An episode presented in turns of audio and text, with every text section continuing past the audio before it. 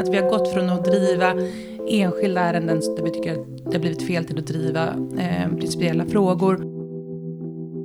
Huvudkällan blir i vissa fall i praktiken då Migrationsverket som inte alls har den rollen. Nej. Det är också en liten inblick i hur kul det är att jobba med jurister. Hej och välkomna till Människor och migration. Podcasten som handlar om människor på flykt och deras rättigheter. Jag som pratar nu heter Maja Dahl och jag är kommunikationsansvarig här på Asylrättscentrum som ger ut den här podden. Sverige ska ju få en ny migrationspolitik och vi släppte i höstas ett avsnitt där vi pratade med gästen Annie Reuterskiöld och gick igenom det politiska läget och vad man kan förvänta sig komma ut från den här eh, parlamentariska kommittén som nu ska skriva den nya politiken. Vi kommer under våren att göra en rad avsnitt som behandlar olika delar av kommittéarbetet och analysera vilka juridiska aspekter man måste ta hänsyn till. Och i dagens avsnitt så ska vi prata om den parlamentariska utredningen och rättssäkerhet. I direktiven till den parlamentariska kommittén står det att migrationspolitiken ska vara human, rättssäker och effektiv. Men vad innebär egentligen rättssäkerhet ur ett migrationsrättsligt perspektiv? Hur ser rättssäkerheten ut idag? Och vad kommer juristerna behöva göra framöver för att säkra rättssäkerheten? Ja, med mig för att diskutera de här frågorna har jag Asylrättscentrums chefsjurist Anna Lindblad. Välkommen! Tack. Och Sofia Rönnon-Pesa som är jurist här på Asylrättscentrum och eh, har som uppdrag att hålla särskild koll på den parlamentariska utredningen. Välkommen! Tack, tack. Hej. Hej, och för er som lyssnar nu ska ni tänka skåning, Sofia. Yes. Stockholmare, Anna. Ja, det stämmer. Precis, och den som ställer frågor, Maja. Så har ni lite koll på vilka röster som gör vad, helt enkelt. Eh, men jag tycker att vi hoppar rakt in i frågorna. Hela syftet med vårt arbete på Asylrättscentrum är ju en rättssäker och konventionsenlig asylprocess. Vad menas med rättssäkerhet ur ett migrationsrättsligt perspektiv, Anna? Ja, det stämmer att det är vår enda eh, agenda egentligen på Asylrättscentrum. Vi är ju politiskt religiöst obundna och eh, det är för mig som chefsjurist är det väldigt skönt och eh, givande att kunna ha en sån agenda. För att vi tar egentligen inte ställning politiskt i olika frågor, utan det enda som vi tittar på det är, är den här lagen eller lagförslaget, är det rättssäkert och är det förenligt med eh, den europeiska rätten och den internationella rätten? Och när vi pratar rättssäkerhet då, det är ju då, är det förutsägbart? Alltså kan man själv förstå sitt beslut och om man har förutsättningar för att få ett uppehållstillstånd till exempel. Är det, finns det utrymme för godtyckliga bedömningar eller kan man vara säker på att man får rätt beslut? Och, och så brukar man också prata om att lika fall ska behandlas lika. Så har man samma förutsättningar ska man få samma beslut. Sofia, du jobbar ju liksom med, kanske lite mer praktiskt mm. som jurist än, än vad Anna gör som, som chefsjurist som är, liksom har det övergripande ansvaret på, på Asylrättscentrum. Vad skulle du säga liksom är praktikerperspektivet då på rättssäkerhet? Ja, men jag tror att det man måste fundera över är liksom om det går överhuvudtaget att begripa lagen till exempel. Uh, och det kan vi se att de senaste åren så har eh, Eh, vi gått från att eh, lagen kunde förstås ganska lätt av att bara läsa lagtexten till att vi som jurister behöver eh, verkligen ha expertkompetens och ha väldigt många smått obegripliga flödesscheman för att förklara vad, vad lagen innebär. Och det där är ett exempel på vad man i praktiken är skillnaden. Att, att juristen som översättare och den rollen blir, blir större.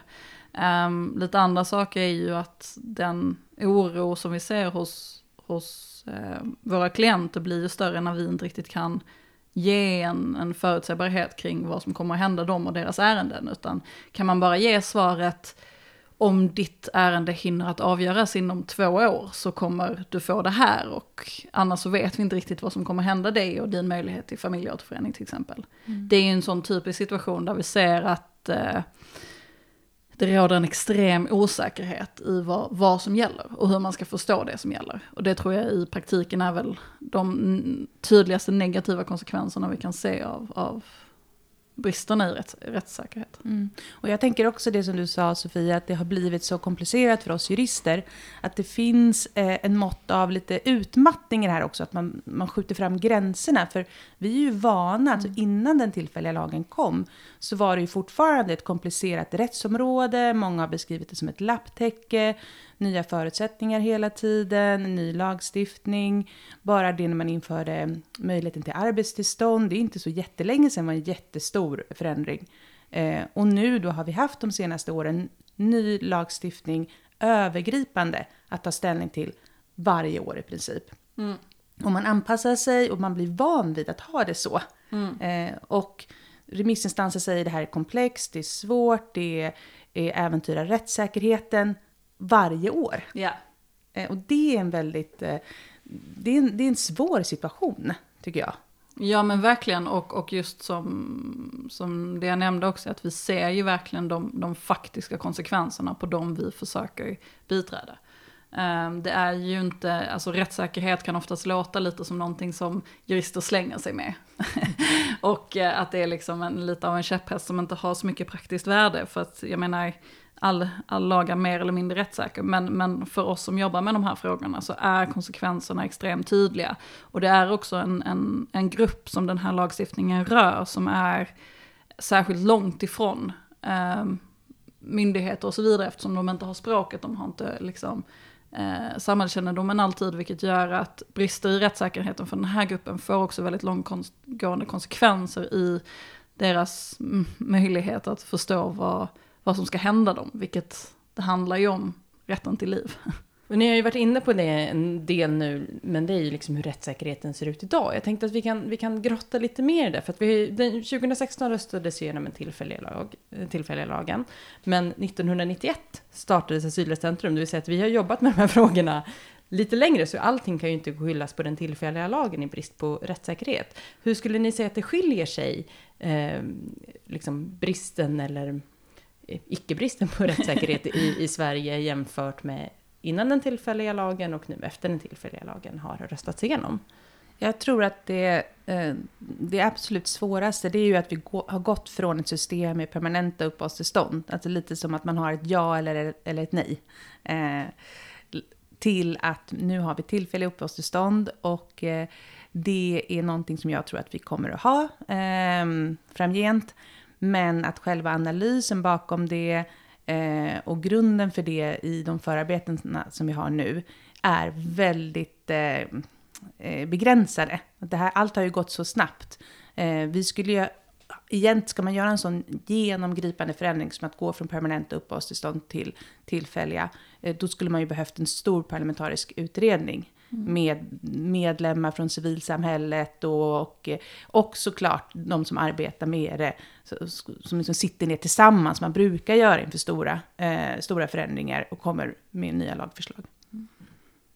Jag skulle säga om vi, vi pratar om liksom vad Asylrättscentrum gör, så kan man ju säga att även under så att säga utlänningslagens tid så har ju Asylrättscentrum inte bara så att säga varit engagerade i enskilda ärenden utan det finns ju ett behov alltid av att driva internationella processer för att säkerställa att den eh, juridik vi har tolkas rätt. Och det, det finns ju flera exempel från Asylrättscentrums arbete tidigare som är liksom rättssäkerhetsarbete även under utlänningslagens tid. Vi har ju till exempel drivit fram att i vissa fall har möjlighet, rätten till offentligt biträde där man har faktiskt sagt nej till det och sådär som är en ganska grundläggande rättssäkerhetsaspekt.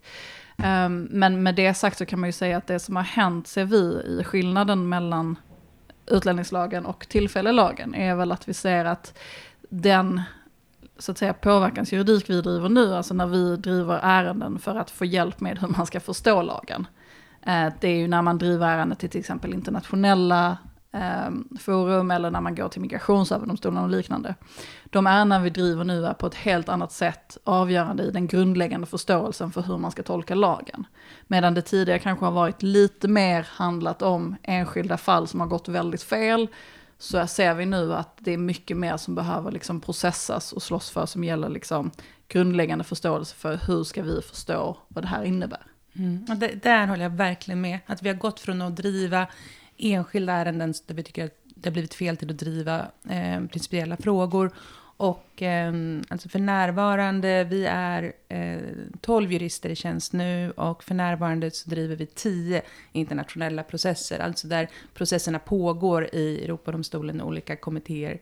Eh, och det är jättemycket. Eh, det är så mycket så jag har nästan fått bromsa lite det här och säga att jag tror inte att vi mäktar med så många fler processer. Självklart kommer vi fortsätta att göra det, men tio, tio internationella processer på ungefär lika många jurister, det, det är vad man klarar av skulle jag säga.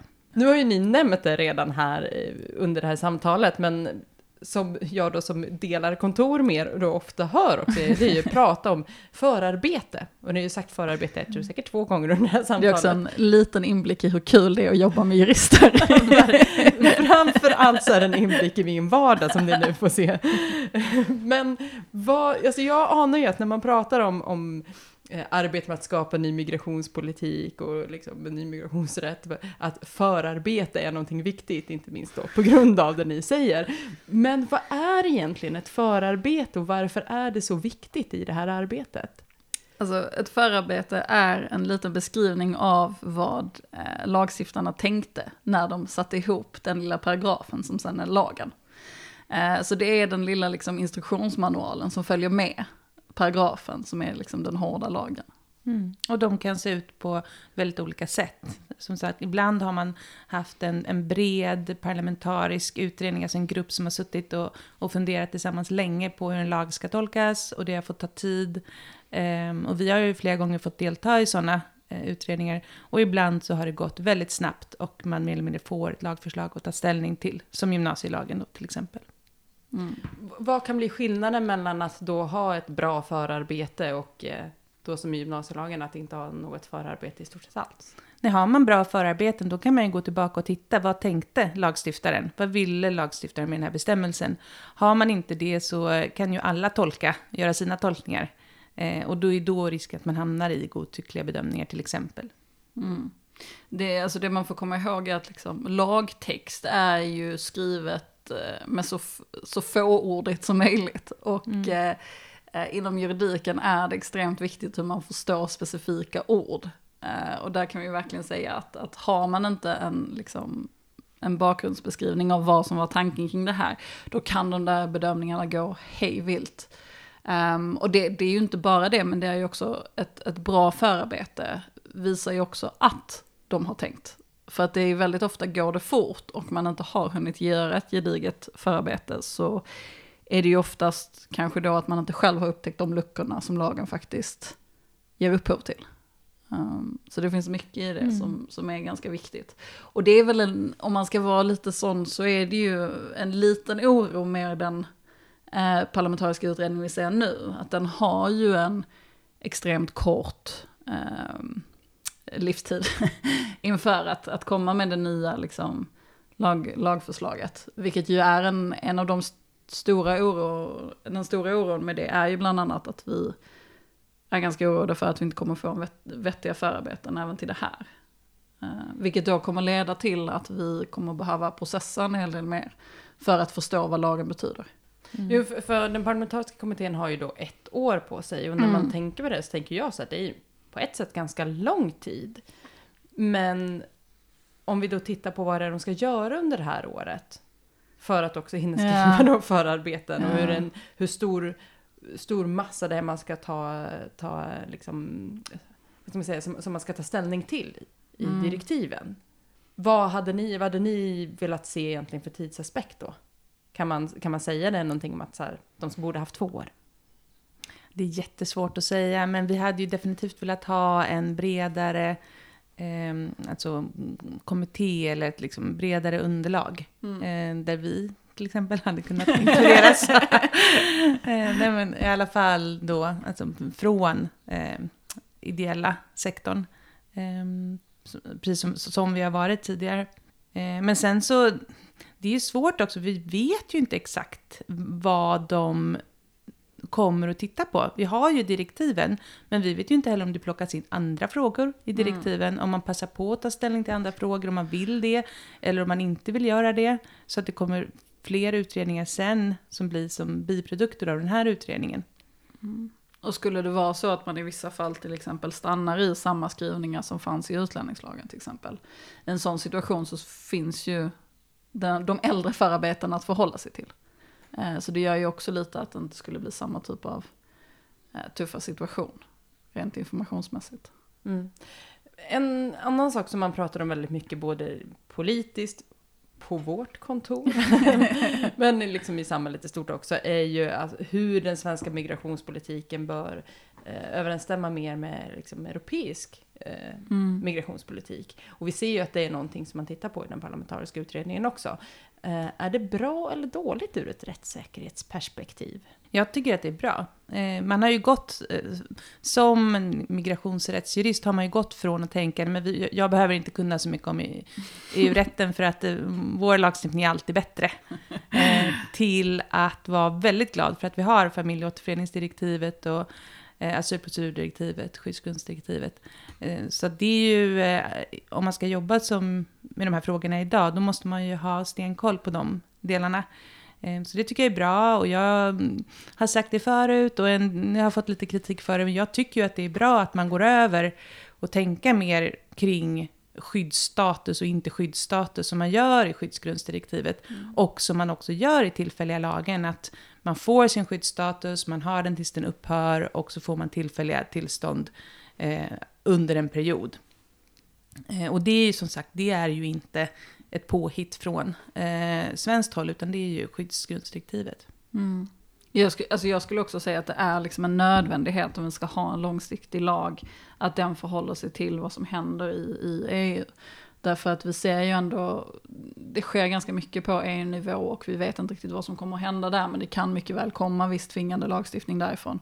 Som vi lägger oss, vilket faktiskt är, vilket jag tror förvånar många mycket, som är precis som du säger Anna, att eh, frågan är snarare att Sverige ska lägga sig under den nivå som kan vara kraven, att vi lägger oss över. Det är inte riktigt samma diskussion som vi har haft tidigare som, som land, i, i vissa aspekter i alla fall. Men, men då i den situationen så, så skulle vi lägga oss under kraven för vad, vad som behövs så kommer vi behöva riva upp den här lagen igen om några år. Beroende på utvecklingen inom Europa. Och göra någonting nytt. Och jag tänker att hela tanken med det här är ju att ha en lagstiftning en långsiktig eh, lag. Så utifrån det perspektivet så skulle jag säga att för att få en långsiktig och fungerande eh, lag så måste vi titta på vad som händer i Europa. Och vi måste verkligen förhålla oss till våra konventionsåtaganden. Um, mycket också, skulle jag säga, förutom EU, så Europakonventionen som ju... Ja, och där saknar jag lite, för man pratar om konventionsåtagande, alltså Sveriges då förpliktelse, då pratar man ofta om Europakonventionen och eh, barnkonventionen. Men vi får inte heller eh, glömma andra konventioner, som då mm, konventionen mot eh, tortyr och eh, FNs olika eh, konventioner som övervakas av FN i olika kommittéer. Eh, och det är någonting som lagrådet har tryckt på flera gånger, att med konventionsenlig måste man också ta in eh, de, de andra konventionerna och kommittéerna. Eh, för det är också där som, som, som vi kommer, som vi processar och som vi kommer att processa Eh, den här lagstiftningen. Mm. Jag tänker en del som vi eh, går igenom hela det här samtalet egentligen, som ni är inne på en del nu, liksom just långsiktigheten. Ehm, och att vi kanske har haft lagstiftningar som har varit som ett lapptäcke under den tillfälliga lagen kom, så har det fått lägga till saker. Ehm, vad, gör, eh, vad gör bristen på långsiktighet för rättssäkerheten? Om man tänker kring er jurister som yrke till exempel. Så man är inte lika bekväm. det kanske inte är det största problemet, men, men det är ju en annan situation i relation till hur man jobbar med de här frågorna. Um, man kan ju inte på samma sätt, uh, alltså det är inte lika uppenbart hur man ger råd faktiskt. Nej, man, kan- jag, man kan inte ta några frågor på volley längre. Nej. Mm. Ehm, Måste det- gå tillbaka hela tiden och titta. Ja, och det där är en Mm. sån konstig sak. Alltså det, det, det kan uppstå sån liksom märklig situation när det är så, okej, men har jag rätt till det här? Och man är så, ja, kanske. Mm. Eh, det beror lite på, vi vet att det finns en lång väntetid, vi vet inte riktigt vad som händer därefter. Mm. Och att man då ska förmedla den informationen till någon som då, eh, ja, det finns språkförbistringar och så vidare. Det, det är en väldigt konstig situation. Och jag tror att det, det finns ju ett, ehm, det gör ju också att den lag vi har aldrig utvecklas. För att normalt när en lag får existera eh, Eh, länge, så det som sker är ju att man genom att processa ärenden genom att förändra saker, att man då landar i vad som fungerar och vad som faktiskt är kopplat till verkligheten.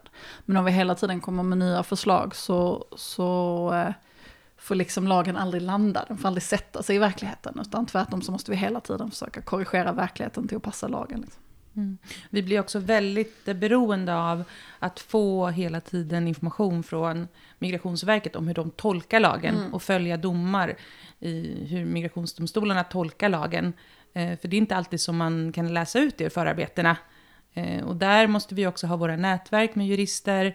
Eh, och, och så arbetar vi hela tiden med, nu, nu tror vi att det är en sån här tolkning. Och det är inte så bra ur ett rättssäkerhetsperspektiv. Och det är egentligen det är ingenting som Migrationsverket har, har gjort fel. Utan de har ju att tolka den här lagstiftningen. Och sen har vi att fånga upp hur de tolkar den och förmedla det till de som vi hjälper på Asylrättscentrum. Men makten förflyttas ju någonstans, alltså en viss del av makten förflyttas från lagstiftaren. Ja, ner till Migrationsverket då, som måste bli förstetolkare Ja. av till exempel i vissa fall hur man ska förstå Europakonventionen, vilket är en Exakt. jättekomplex fråga liksom. Eh, som bör vara så att säga lagstiftarens uppgift. Men det där blir en väldigt konstig ehm, konsekvens av det här, att liksom vem som blir liksom huvudkällan blir i vissa fall i praktiken då Migrationsverket som inte alls har den rollen nej. egentligen. Ja, och vi på Asylrättscentrum, vi arbetar ju inte som en vanlig advokatbyrå.